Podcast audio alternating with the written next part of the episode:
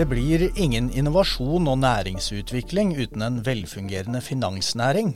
Og næringen er selv blant våre mest innovative. Kari Olrud Moen overtok nylig som administrerende direktør i bransjeforeningen Finans Norge. Hun er gjest i denne episoden av Innopodden. Velkommen hit til Innopodden, Kari Olrud Moen. Tusen takk skal du ha. Hyggelig å ha deg her. Vi kan vel trygt si at dette året startet ganske turbulent for eh, finansnæringen. Eh, med kollaps i banker i USA og en mye omdiskutert redningsaksjon av Credit Suisse. Hvordan står det egentlig til med finansnæringen, slik du ser det? Heldigvis så kan vi si at uh, for finansnæringen i Norge så, så, står det bra til. Og, og Norden og kan vel strekke oss så langt som til Europa, altså Nord-Europa i hvert fall. Eh, og så har det jo vært, som du, som du sier, det har jo vært eh, turbulent. Og det var jo veldig stor spenning knytta til i hvilken grad dette vil spre seg. Nå blir det omtalt som en minifinanskrise, og det er jo ille nok, det. Men jeg må jo si at det var noen dager, eh, var noen dager der som, eh, som, nok vi alle lurte på hvor stort og sort er dette hullet, og hvor fort blir det tettet. Og så var jo da myndighetene i USA raskt eh, på ballen, med litt bredere virkemidler enn de egentlig hadde tenkt seg. men de spredde ut sikkerhetsnettet, og det, det funka jo. Så, så, så, det ble jo mindre kortsiktig drama enn eh, en vi fryktet. Men eh, har nok noen langsiktige effekter, ikke minst i diskusjoner om reguleringer og lignende. Som vi kommer til å merke lenge. Mm. Men, men, når sånne ting skjer, hvordan, hvordan, ser det ut hos dere da? Setter dere krisestab, eller hva gjør dere? Det blir noen ekstramøter da, ja. ja. Det gjør det. Så Uh, og det som alltid er vurderingen Nå kom jeg, tenkte jeg sånn Jeg bør ikke bytte jobb. For forrige gang jeg bytta jobb, så gikk jeg til Finansdepartementet, og da ble det pandemi. Så, så det første jeg tenkte var nei, jeg har ikke behov for dette etter en uke. Um, men, men, det som er viktig, er jo da å og ja, man må tenke og vurdere, og, men, men, holde roen og ikke begynne å kave og gjøre ting og, og sant, si ting eksternt som bare egentlig gjør ting verre. Hvis du sier nå må dere holde dere i ro, så skjønner jo folk at da er det et eller annet uh, ikke bra på gang. Så det vi var opptatt av, var jo å få en oversikt over hvordan kunne dette potensielt slå inn i Norge. og og ha, ha, god kontakt med våre medlemmer. Det er jo særlig DNB av vår medlemsmasse som er veldig eksponert internasjonalt. Og selvfølgelig ha tett kontakt da, med Norges Bank og uh, Finansdepartementet og Finanstilsynet for å høre de, hvordan de vurderte saken. Så vi, uh, vi hadde jo mest lyst til å sitte og vente på at de skulle si at alt er OK og finansnæringen har det bra, og det sa de jo ganske raskt. Så da kunne vi også Det er mye bedre at de kommer med de, de statementene enn at, enn at, vi gjør det selv. Så det, så det gikk heldigvis bra mm. i den runden. Ja, altså Du kan med hånda på hjertet si at eh, næringen i Norge er solid og god? Det kan vi si. Vi er både solid og likvid, som jo er, er som begge, begge, deler. At du skal ha plattformen, og du må ha penga når, når det gjelder. Ja, Det er godt å høre. Eh, Finans Norge er fra 1.1 en del av næringslivets hovedorganisasjon, og fra 1.3 så er du altså administrerende direktør. Du har med deg erfaring som statssekretær i Finansdepartementet i to perioder. Du har jobbet i embetsverket i samme departement, og du har vært politisk rådgiver for Høyre på Stortinget. Dessuten har du jobbet i DNB eh, og i McKinsey. Så du har solid erfaring med deg. Og nå, nå som leder da, i Finans Norge, hva er den viktigste, eller de viktigste oppgavene dine der? Nei, De viktigste oppgavene er jo å øh, jobbe for, både for en forståelse og, og for at næringen er, er viktig og, ha, og, må ha de riktige rammevilkårene. Det er jo liksom uh, grunn, uh, grunnoppgaven. Sånn at finansnæringen kan gjøre den jobben man skal gjøre med både å finansiere og forsikre og, og være til stede med, være med penga når det gjelder, på, på riktig måte. Sånn at man kan være både hva skal si, være en trygghet, og også være en offensiv eh, medspiller da, i utvikling av både næringslivet og selvfølgelig støtte husholdninger. Mm. Håkon, ja. hvorfor mener du at finansnæringen er viktig ja, sånn generelt, men, men, også for å skape innovasjon, da, som er vårt oppdrag? Oi, godt og stort spørsmål. Um, innovasjon koster penger. Det eh, handler jo om å ta risiko og gjøre noe man ikke har gjort eh, før. Og da eh, trenger man noen partnere som kan bidra med eh, kapital. Og Norge har jo, det har vi lang tradisjon for, da, en finansnæring i Norge som er en partner for næringslivet i utviklingsarbeid. Eh, og Eh, vår rolle da, som Innovasjon Norge er jo å være et supplement til private finansnæringen. I en ideell verden så hadde man ikke behøvd den type risikoavlastning vi representerer, fordi da hadde det gått helt av seg selv. Og så er det noe risiko som er så stort da, at for en enkelt virksomhet å ta den, selv med en bank, blir for stor. Men i samfunnet, eller for samfunnet som helhet, er det et poeng at noen tar den risikoen. Og det er der vi kommer inn da. Så vi er jo veldig tett på norsk finansnæring. Jeg kan jo si at Vi er jo også en bank, da, Innovasjon Norge. Vi er mange ting, men vi, er, vi har rundt 20 milliarder i utlån per i dag. Altså et samlede utlån. Det vil si at vi er en ganske stor, eller sånn mellomstor, eh, bedriftsbank. Men kanskje viktigere enn det er at i alle eller nesten alle prosjektene vi er inne, så er det også en bank eller finansieringsinstitusjon eller investor inne. Så vi er både en del av og en partner for finansnæringen. Så til spørsmålet, da. Skal vi lykkes med innovasjon i Norge, så er det, er helt umulig, faktisk, uten en velfungerende eh, finansnæring. Mm. Og det må vi lykkes, altså. Ja. Men opplever du at samarbeidet oss imellom og med bankene går bra? Ja, veldig bra, faktisk. Og det er jo av og til noen diskusjoner om hva er det offentliges rolle, og det er absolutt på sin plass, og det må vi gjøre. Men hovedbildet er at eh, det er et utmerket samarbeid. Alt fra veldig sånn operative I en enkeltsak, da, en, en, næringsdrivende skal gjøre en større investering, og så er enten så kommer henvendelsen via banken til oss, eller fra oss til banken.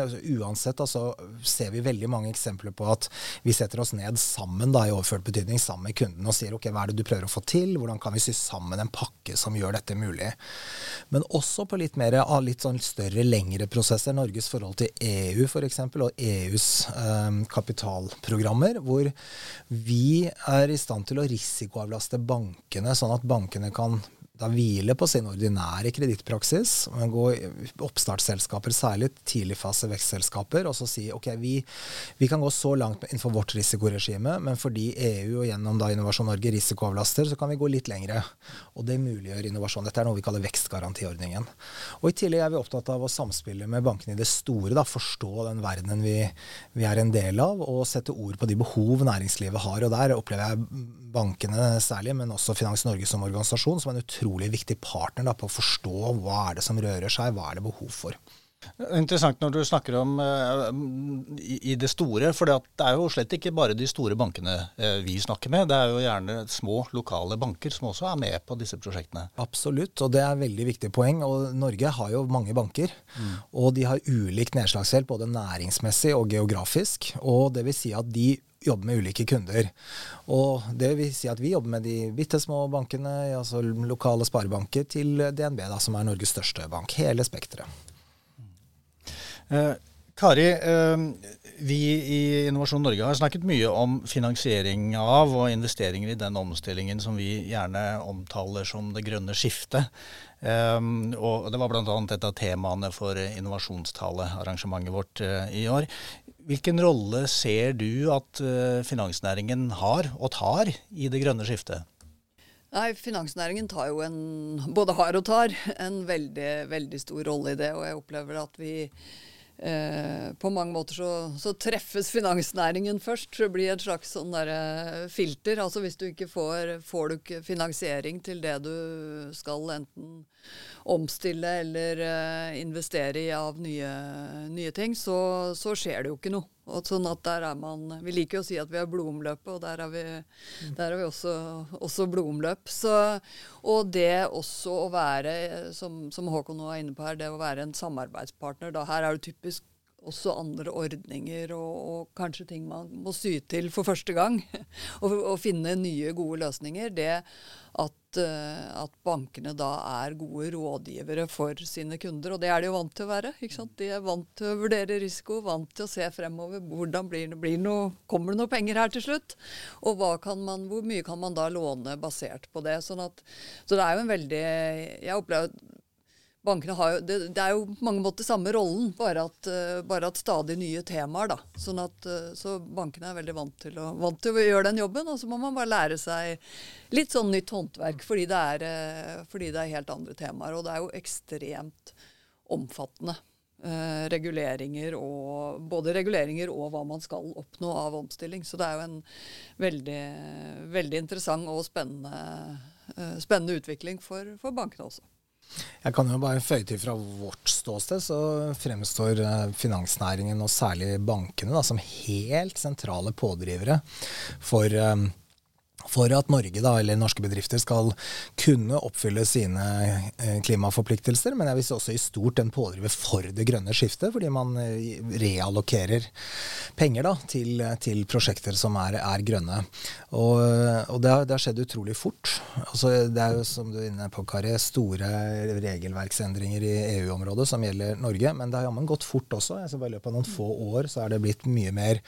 Og for en enkelt bedrift er det utrolig vanskelig å navigere i. Og det er mange ting som skjer parallelt. Ulike direktiver, ulike ordninger, krav som stilles til bankene, som de så igjen stiller til sine kunder. Så bankene og vi da i vårt samarbeid har en sånn dobbel funksjon. Det ene er å gjøre oppmerksom på det som finnes av regelverk. Men det er den minst viktige delen av jobben, men det må gjøres den nå. Den neste er jo viktigere, da. Og det er jo muliggjøre å gjøre bedriften i stand til da, å møte disse forpliktelsene ved ulike verktøy. Så, så, vi har en stor jobb eh, mm. foran oss. Og, og, vi lærer jeg må si det, Innovasjon Norge lærer mye av bankene. Vi ser til bankene og hvordan nå f.eks. EUs reguleringer implementeres. Mm. Og med stor beundring, vil jeg si, hvor uh, godt håndverk det gjøres da, i norsk finansnæring. Og, og, det omfanget av reguleringer er jo helt, uh, helt ekstremt. Og det er vel en, Nå var jeg i Brussel tre dager uh, forrige uke, og der var det jo, det er jo noen sånn, du hører jo noen sånne temaer som går igjen i mange, mange møter. Og det var vel en en eh, sånn erkjennelse av at ok, på bærekraft nå har vi, nå vi dytta på fryktelig mye regelverk fryktelig fort, så kanskje vi skal eh, kanskje vi skal fordøye litt grann nå. Men eh, hva som vi snakker om i, hjemme hos oss, eh, at eh, vi, tr vi, tror det jo ikke helt før vi får se det. Men, eh, men, men jeg tror nok det er et, er et, godt poeng, for det har skjedd, skjedd så utrolig mye på regelverkssiden. og det Uh, fleiper meg av og til at det har flytta seg fra PowerPoint til Excel. altså flytta seg fra ord til, mm. til, tall, og du skal implementere det inn i modeller. og Det er en annen, er en annen øvelse, og den må man, man må rekke å regne litt. og mm. Lage modeller og justere modeller. Så, så det er en uh, voldsom endring. Og dette fremskyndes også av um, krigen i Ukraina, som på en måte paradoksalt nok gjør to ting på en gang. Da. Både akselererer det grønne skiftet, vi skal kalle det, fordi etterspørselen etter fornybar energi f.eks. For går veldig opp. Og samtidig bremser ned fordi man trenger så mye strøm da, at man f.eks. tar opp igjen gamle kullkraftverk. Og, så, og det, i det bildet der da, så er det grunn til å tro at kanskje EU nå er nødt til faktisk å se litt andre steder enn til det grønne. At man må bare konsolidere litt. Og ville det eller ikke ville det. Man kan på en måte bare bruke en krone eller en euro da, én gang. Det er de samme pengene som skal gå til ja, en økt uh, sikkerhets- eller forsvarsberedskap, uh, og i tillegg da til et uh, grønt skifte. Så blir, jeg syns vi er i spennende tider mm. akkurat nå. Mm. Finans Norge holder jo kurs om, om, en del av disse tingene her. Og, og et av kursene deres har tittelen 'Hva spør bankene din bedrift om?' Um, og nå skal vi ikke drive kurs her, men, men hva bør bankene spørre bedriftene om? Nei, det er, det er, jo en del av de temaene som vi allerede har vært inne på, og som er den, hva skal jeg si, det tradisjonelle bankhåndverket, bare i en ny setting. om mm. hva, hva kommer til å påvirke din, din bedrift og dine inntjeningsmuligheter eh, fremover? Og hva er de nye, nye riskene, da? Som ikke, man, har, man, er jo vant til å vurdere sine kunder på sånn man har gjort det før. Og, og her, det er liksom det der å klare å også inkorporere i de beregningene, og kanskje til og med sette tall tall på det. Eh, hva betyr noe, enten det er naturskade eller eh, annen type klima. Hva, hva, betyr det? På samme måte som sant, oljefondet jobber med, med, på en helt annen måte i forhold til dette temaet enn, enn det de har gjort før. Så, så det er sånne gamle verktøy på nye, nye felter, og med, og med, kanskje et enda lengre perspektiv og enda større konsekvenser på mange ting. Eh, kanskje enda mer. Ikke sånn eh, 30 eller 40% men litt mer 10-90. Altså litt voldsomme utslag hvis det først skjer. Og det, det, er nok litt nytt.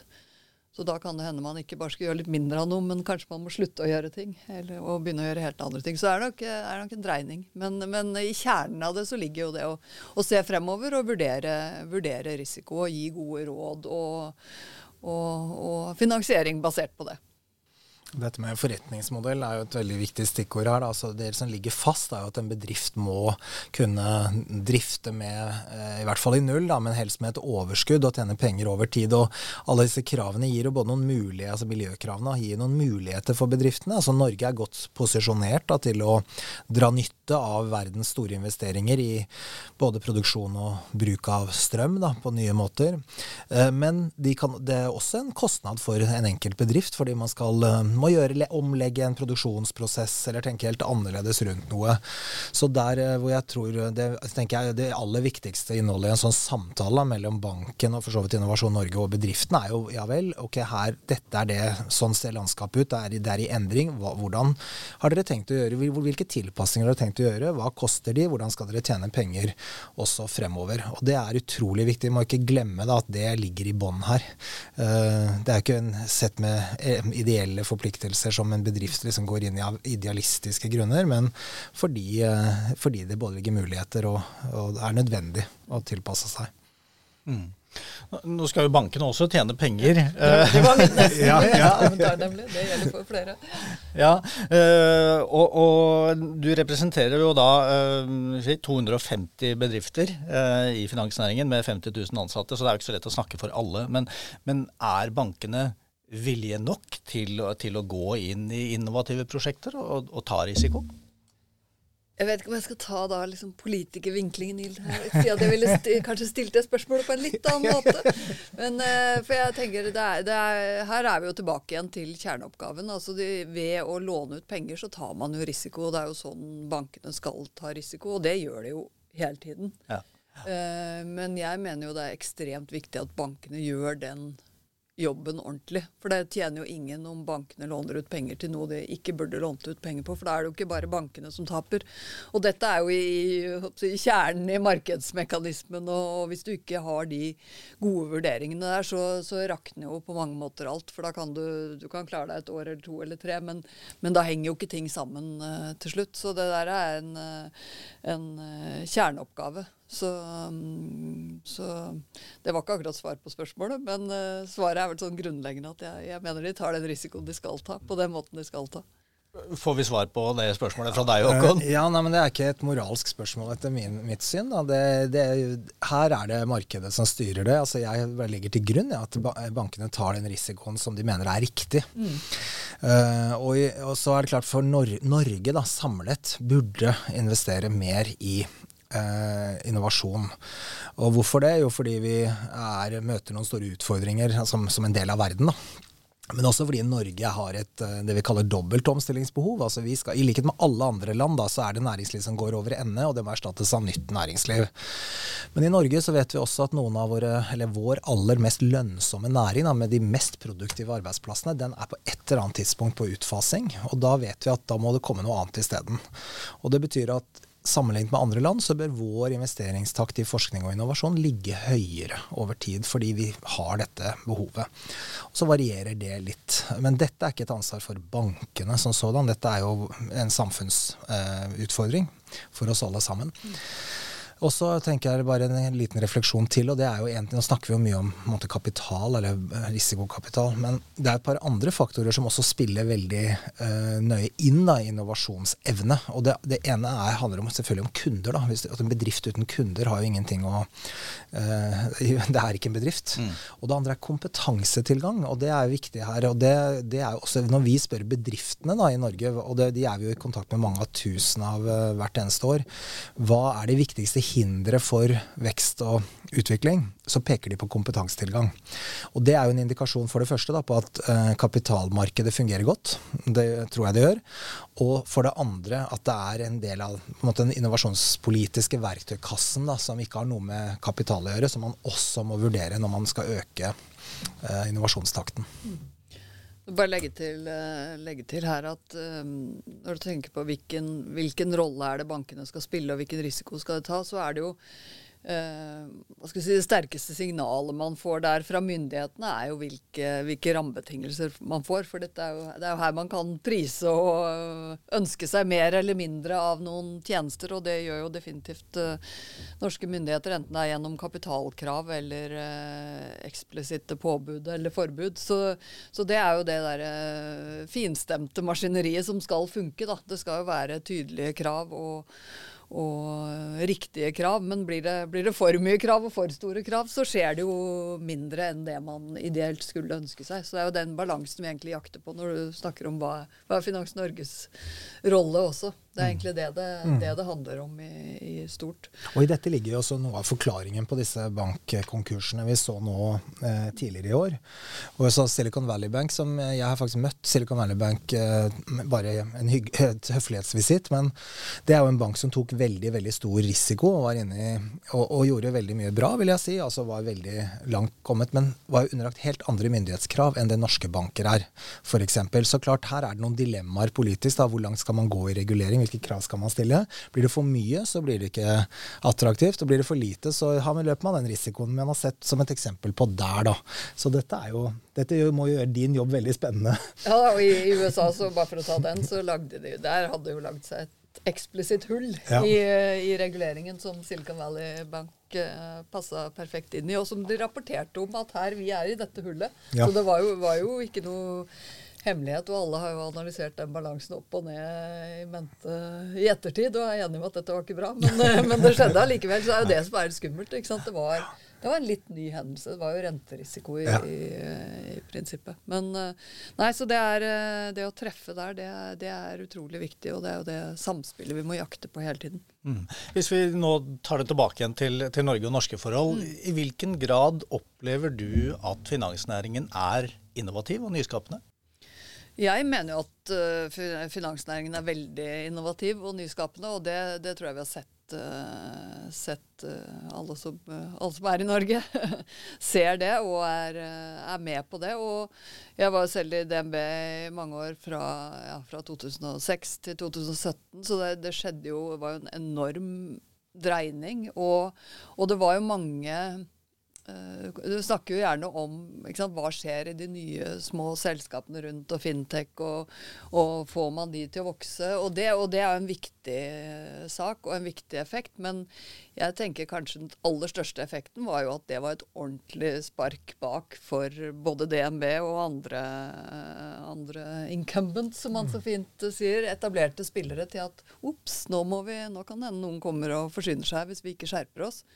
Så det var jo en, en, voldsom effekt. Og den har du sett på mange flere òg, at de, de, store vokter. Det er klart at da, da blir det også et stort volum på ting ganske raskt i forhold til at du har, har de små. Da. Så det er liksom to, to effekter. Men, gi oss noen eksempler på de, de små og de nye typene mm. tjenester, og, og, og, gjerne da fintech. Så, som ja, no, noe er jo det som man gjorde selv. altså Største og beste eksempelet er jo, er jo VIPS, selvfølgelig. Som, mm. uh, det var jo en helt sånn uh, og veldig spesiell opplevelse å være med på. Jeg har aldri, aldri vært med på noe som hele DNB engasjerte seg i, og det var dugnad, og man ringte rundt til venner, og nå må du laste ned, og alle var sånn brukerstøtte for å lære opp uh, folk rundt seg. Og det, det, var litt sånn klassisk. ikke sant? Begynte, begynte, smått, og så skjønte man etter hvert at her må vi løfte det ut og, og, etablere. Og det var jo en tydelig prosjektleder som het Rune Bjerke, så, så det, det, skjedde, skjedde Og nå er det jo noe, blitt noe som vi bruker alle sammen uten ja, å tenke over det engang. Det er jo det. Ja